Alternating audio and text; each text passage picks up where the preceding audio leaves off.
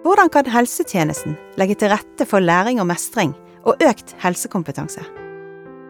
Mestring er en individuell prosess uten oppskrift. Men kan vi vise til noen stier som andre har gått opp? Velkommen til Spor av mestring, en podkast i regi av Nasjonal kompetansetjeneste for læring og mestring innen helse. Mitt navn er Hilde Blindheim Børve. Jeg er spesialrådgiver og har i mange år jobbet med pedagogikk i en helsekontekst. Velkommen til Spor av mestring, Una Stenberg. Tusen takk for det, Hilde. Og veldig hyggelig at det er sånn interesse for denne forskningen. Det er det, eh, og du er som du sier, du er forsker, og du arbeider både ved Frambu og ved Nasjonal kompetansetjeneste for læring og mestring innen helse. Kanskje du innledningsvis kan si bitte litt om deg selv? Ja, eh, nå har jo du sagt hvor jeg jobber, men da jeg jobba egentlig ved Nasjonal kompetansetjeneste for læring og mestring i en god del år som seniorforsker. Jeg har gjort mye forskning der på det som handler om særlig utbytte og effekter fra deltakelse i lærings- og mestringstilbud. Og siste to åra nå så har jeg også jobba på Frambu, som er et kompetansesenter for sjeldne diagnoser. Og der jobber jeg både med å utvikle og gjennomføre kurs, og med forskning. En flott kombinasjon. Ja. I denne episoden under så skal vi snakke om barn og unge. Stadig flere barn og unge vokser opp med helseutfordringer, og det innebærer at hele familien må tilpasse seg en ny hverdag. I 2019 så publiserte du en forskningsartikkel i Health Expectations, og i 2020 så ble det lansert en norsk versjon med denne fagartikkelen, kalt Barn og unge lærer å håndtere helseutfordringer, og det ble publisert i Sykepleieforskning, stemmer det Una? Mm, ja. Det stemmer. Ja. Hvorfor var det viktig å gjøre denne studien? Og hvilke tilbud var det dere fant forskning på? Mm. Jeg skal ta dere litt igjennom hovedresultatet, tenkte jeg, fra den studien. Men uh, jeg syns ofte når jeg snakker med barn og unge på Frambu, som har ulike typer uh, sjeldne diagnoser, da, så pleier jeg ofte å starte litt med David Attenborough. Jeg sier hva er vel mer naturlig når vi snakker om læring og mestring, fordi i en av dokumentarene som David Attenborough har, så sier han at eh, den aerodynamiske kroppen til ei humle er ikke egna til å fly, men det er bra at ei humla ikke vet det. Og det er jo sikkert mange som har hørt det sitatet, og jeg syns det er veldig morsomt. Um, og så snakker vi litt om det. Hvordan kan egentlig humla fly? Uh, for det handler jo egentlig om at den er, den er jo for brei over baken til å bære kroppen sin. Men allikevel så flyr den rundt i beste velgående. Uh, så er det ofte noen som vet det, da. At det, det handler jo om at den har utvikla en egen flyteknikk. Vet ikke om du vet det, Hilde, hvordan den flyr? Nei, nei, det kan ikke hjelpe deg med. Nei, men det den gjør, er at i stedet for å flakse med vinga sånn som andre gjør, så har, bruker den vinga fire små vinger som propeller og når de, de går mer rundt. Ja. Eh, og da klarer den å, å, løfte seg. Og grunnen til at jeg ofte bruker denne metaforen da, som jeg syns er litt morsom, det er jo fordi dette handler om hva er viktig for at du skal kunne ha tro på egen mestring. Og jeg kan jo starte med å spørre deg, Hilde. Hva er det som er viktig for deg i livet ditt eller i jobben din for at du skal ha tro på egen mestring? Mm. Ja, eh, det er litt ulike ting i jobb og i privatlivet, men hvis jeg nå skulle tenke jobb, så tenker jeg at eh, støtte fra kollegaer, leder, er viktig for at jeg skal gjøre en god jobb, for at jeg skal mestre. Og jeg merker jo med en gang jeg er utrygg, så mestrer jeg dårligere, for da får jeg dårlig tro på meg selv. Så det å bli sett og bli hørt og bli ikke hauset og løftet frem, men rett og slett anerkjent, bare et lite nikk, jeg sitter og ser på deg nå, bare det å bli bekreftet i form av et nikk er, er viktig. Både privat og, og, jobb, det at vi blir sett. Det gir meg tro på at ok, jeg fortsetter. Ja, ikke sant. Så, så støtte rundt meg eh, er viktig. Mm. Både på jobb og privat. Mm. Ja. Og det gjør jo, når jeg tror på det, så får jeg til veldig mye, merker jeg. Mm. Ja. ja, for jeg tror det er akkurat sånn det er for veldig mange. Jeg spurte mm, de som jobber på Frambu, for det er mange med mye erfaring fra særlig å jobbe med barn og unge og mestring, da. Mm.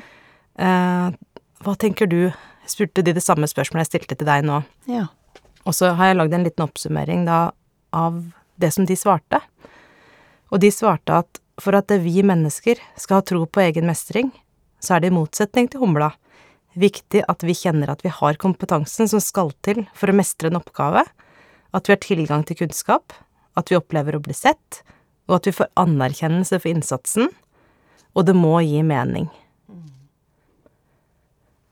Uh, og det er egentlig det som jeg opplever at uh, altså mange sier, og mange svarer, fordi har egentlig barn og unge som lever med ulike typer helseutfordringer, den kunnskapen som de trenger for å håndtere sine helseutfordringer? Har de kompetansen som skal til? Opplever de å bli sett? Og får de anerkjennelse for den innsatsen? Tenk på den enorme innsatsen som ligger i den jobben som de gjør, all den ekstra jobben som i stor grad er usynlig Mm. for andre. Og vi vet at læringsmestringstilbud, det er veldig bra. Det er det mange som har mye erfaring med, både i Norge og andre land. Eh, Men for meg som da jobber med forskning, så er det viktig at eh, vi vet noe om Vi må kunne dokumentere og kunne ha kunnskapsbaserte tilbud. Så vi må vite noe. Hva er det den internasjonale forskningen sier på dette som handler om utbytte og effekt av å delta i læringsmestringstilbud? Eh, og det er bakgrunnen for at vi har gjort denne studien for å få oppsummert akkurat den typen forskning.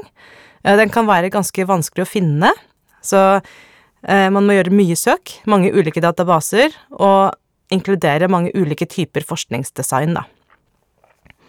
Men det kan man lese mer om i artikkelen for de som er interessert i det. For jeg tenker at du, Hilde, er mer interessert antagelig i å høre litt om resultatet. Jeg er det, men jeg har òg litt lyst til å høre hvem du har hatt med deg. Ja, det er viktig. For det er litt viktig å høre. Ja, og det Altså, i den sammenhengen her så er faktisk det også et veldig viktig poeng at det handler om eh, samarbeidsbasert forskning. Mm. Um, vi har da ulike representanter i arbeidsgruppa som har jobba med det her, og det er eh, Mette Haaland Øvreby, Apsera Teshome Koricho, Liv Grete Raika Christoffersen, André Vågan, Anne Trollevik og Stine Dybvik. Og alle de har litt ulike perspektiver, og hva de bidrar med inn i gruppa. Både brukerperspektiv, eh, helsepersonellperspektiv, altså noen med mye erfaring fra å, å drive tilbud, gjennomføre det, planlegge det, og mm, den forskerblikket.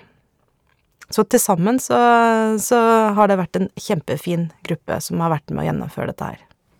Ja, men da kan du si litt om eh, eh, hva funn dere har gjort, for det er jeg veldig nysgjerrig på. Ja, ikke sant? Ja.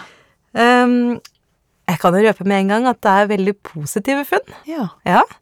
Uh, her er det mange studier som eh, peker i samme retning, uh, selv om det er mange ulike typer forskningsmetode som er brukt.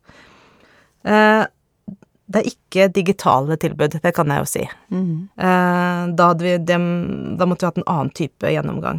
Det er tilbud som Det som har blitt undersøkt gjennom forskning, er tilbud som i hovedsak er eh, gruppebaserte, men noen har kombinasjoner her av noe individuelt og noe oppfølging over tid.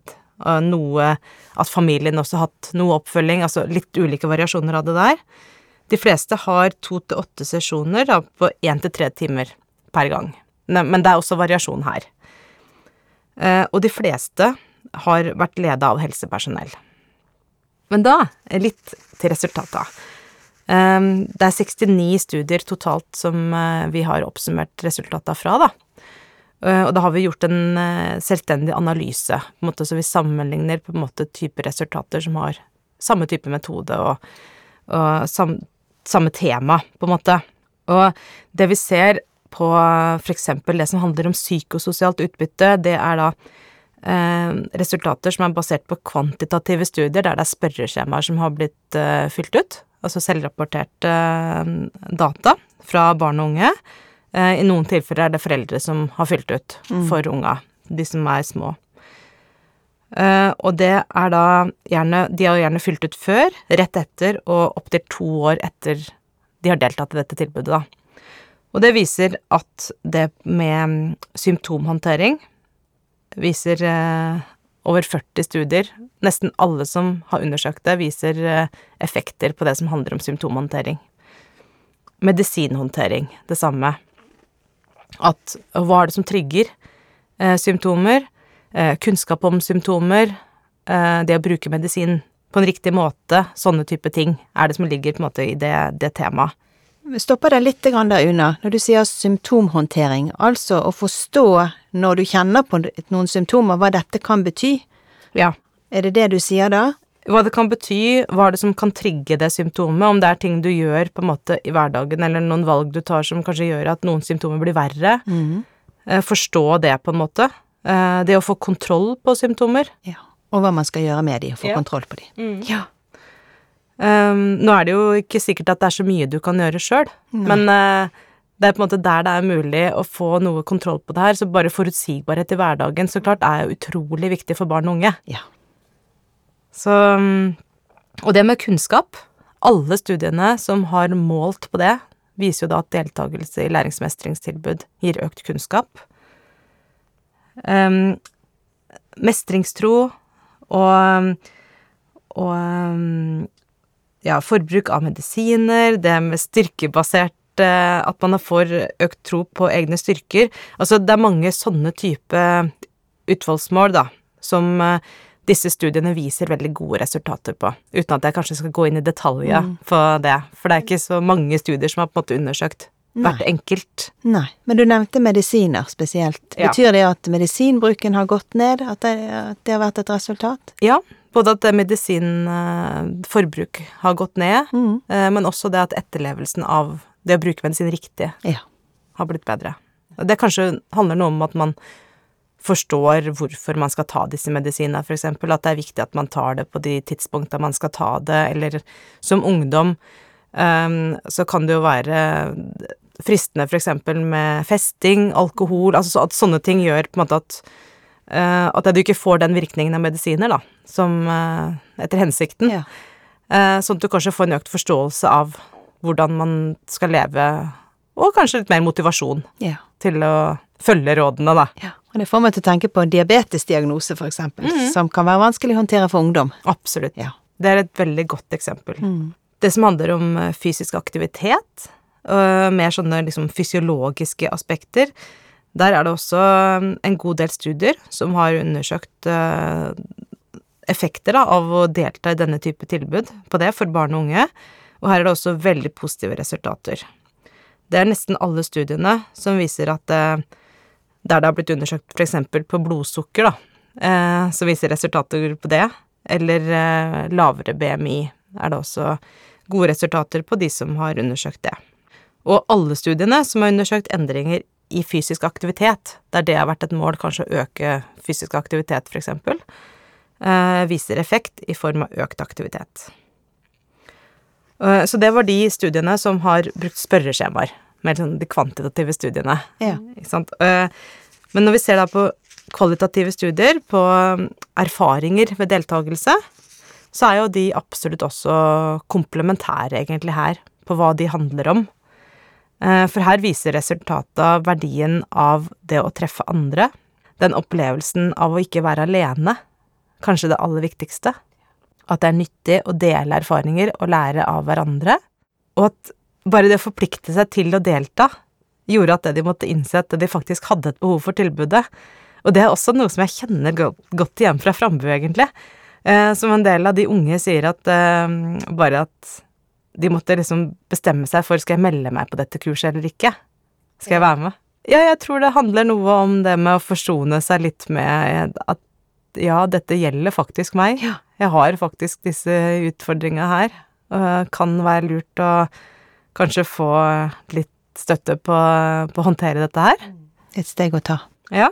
Og her igjen det som handler om kunnskap. Hva som trigger symptomer, hvordan håndtere symptomer. Og her er det også en, en sterk sammenheng til det med stress, når man ser på hva, hva de forteller, da. Stresshåndtering. Her er det klart at det her virker alt sammen. Hvordan du har det i hverdagen, og stressreaksjoner, og hva som trigger symptomer, og vice versa. Og det med praktisk problemløsning, det er jo viktig i hverdagen. Å finne gode løsninger på hvordan man skal gjøre ting. Det å kanskje få satt seg ned og tenkt gjennom, og få litt hjelp av andre og litt innspill. Det, på Frambu jobber vi eksempel mye med å bruke timeplaner, lage digitale timeplaner, på en måte planlegge uka godt i forhold til det med energiprioritering, som et eksempel. Og så er det det som uh, handler om samarbeid og kommunikasjon uh, med fagpersoner. Det er ganske utfordrende. Ja. Uh, og her sier de at de er blitt mer bevisst på sin egen rolle knytta til Altså i et sånn type samarbeid. Mm. De gir tilbakemelding gjennom den, disse forskningsartiklene på at eh, de syns det er nyttig med fokus på helse framfor sykdom. Ja. Ja, de ønsker ikke uh, de, de, er ikke diagnosen sin, Nei. som de sier. Ja. Uh, og de har heller ikke spesielle behov. De har helt normale behov som alle andre har. Nettopp. For trygghet, for uh, utdanning, jobb og ha en god hverdag. Mm. Og livsstilsendringer, det sier de at Mange sier at det, de har fått en ny forståelse, på en måte, av egen rolle og det med ansvar, ikke sant, for sin egen helse, da. Mm. Eh, ikke sant, hva slags kanskje kosthold og trening og alle de tinga her. Eh, søvn og Men at det, det er vanskelig likevel å gjennomføre Mm. de endringene. Det høres jo veldig kjent ut, ikke bare ungdom. Veldig, veldig kjent. Ja. Eh, og særlig unge, de ønsker tilbud over lengre tid, og de sier at de vil veldig gjerne ha lærings- og mestringstilbud som er synkronisert med overganger i livet, Mm. eller overganger i hvordan sykdommen eller funksjonsnedsettelsen deres utvikler seg over tid, da. En sårbar fase er jo det ung voksenlivet, ja. For eksempel, og, og det å planlegge å flytte ut, og alt det innebærer, eller eh, overgang til videregående, eller ungdomstida. ja. Overgang til voksenavdeling på sykehuset der man får Mm. oppfølging. Nye personer man skal forholde seg til der. Ja, og at sant, de behova for informasjon og kunnskap, det endrer seg veldig ut ifra hva slags fase du er i livet, Mm. og hva slags situasjon du er i. De er nok mer opptatt av at der skal timingen på en måte er viktigere enn mange andre ting, fordi man har ulike behov i ulike faser. Og så er det dette med mm, helseøkonomiske aspekter, fordi det er også noen studier som har sett på helseøkonomiske aspekter knytta til barn og unges deltakelse i lærings- og mestringstilbud. Eh, Det er 17 studier, og det har vi oppsummert egentlig i en egen studie, men jeg tenkte likevel jeg kunne nevne det her, for det, det hører jo hjemme her. Eh, Og her er hovedresultatet at det at barn og unge deltar i lærings- mestringstilbud, er veldig effektivt for å kutte kostnader i helsetjenesten, og det er særlig knytta til det med at det de får færre eller kortere sykehusinnleggelser, færre akuttinnleggelser, færre konsultasjoner i poliklinikk, færre besøk hos fastlege og færre sykedager fra skole. Ja. Og det er viktig, det. Det er viktige funn. Ja. Mm. Så det var egentlig mm, hovedresultata fra denne gjennomgangen. Mm. Jeg skjønner. Eh, Det høres ut som at barn og unge i de ulike aldrene trenger ulik kompetanse og ulike tilbud til ulike tider, som du nettopp har snakket om. Men hvordan tenker du at helsetjenesten i Norge kan bidra til et godt samarbeid mellom Her er det snakk om både foreldre og barnehage og skoler og venner og øvrige nettverk. Hva skal vi gjøre for, på bakgrunn av det du har funnet her? Kan, har du noen gode tips? Hva vi kan bidra med? Ja, jeg tenker først og fremst så må vi sørge for at eh, vi og alle de som er rundt barn og unge, har økt kunnskap om hva det innebærer, det å leve med helseutfordringer eller funksjonsnedsettelser for de barn og unge vi møter i ulike aldre. For det betyr ulike ting. Ja. Eh, Og hvordan vi tenker som voksne kan være veldig annerledes enn hva som er viktig for et barn. At ikke vi tenker det syke barnet, men vi tenker det friske barnet med noen plager. Ja. ja. Jeg hadde en sånn opplevelse forrige uke.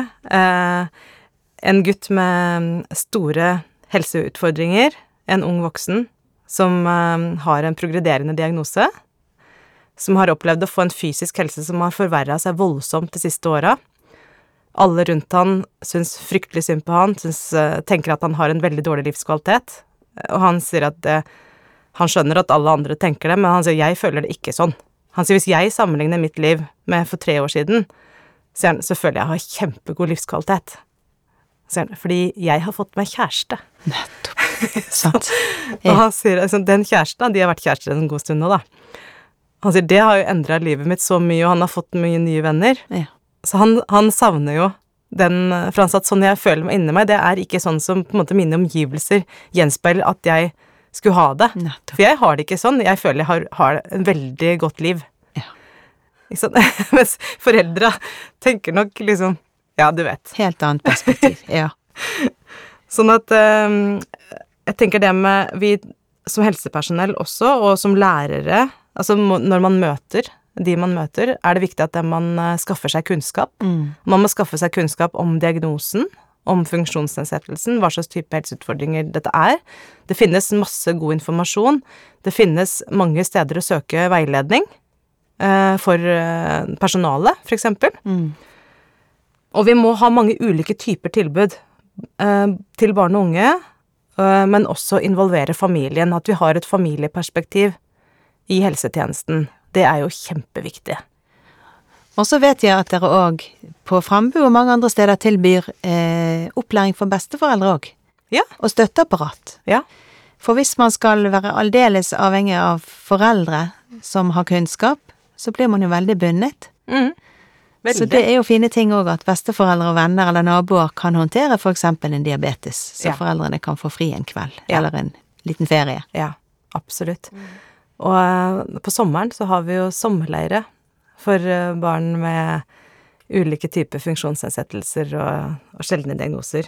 Eh, og det som skjer der, det er jo magisk. Det er nesten sånn idet de kommer eh, og treffer alle de andre, så tror jeg det er, det er borte, på en måte, Mm. eh, hva man har. Alle har noen ting. Ja. Eh, og det å da gå ut av komfortsona og få den tryggheten sammen med de andre, at det, du er normal, du er ikke alene, eh, og tørre å prøve nye ting, det, det er fantastisk å se. Så det å lage gode tilbud og gode anledninger for barn og unge til å møtes, tror jeg er utrolig viktig. Takk for at du eh, kom eh, i denne omgang, Una. Eh, og du forsker stadig, og du kommer gjerne tilbake med en annen artikkel. Absolutt. Tusen takk for meg, Hilde. På gjenhør til nye samtaler om spor av mestring.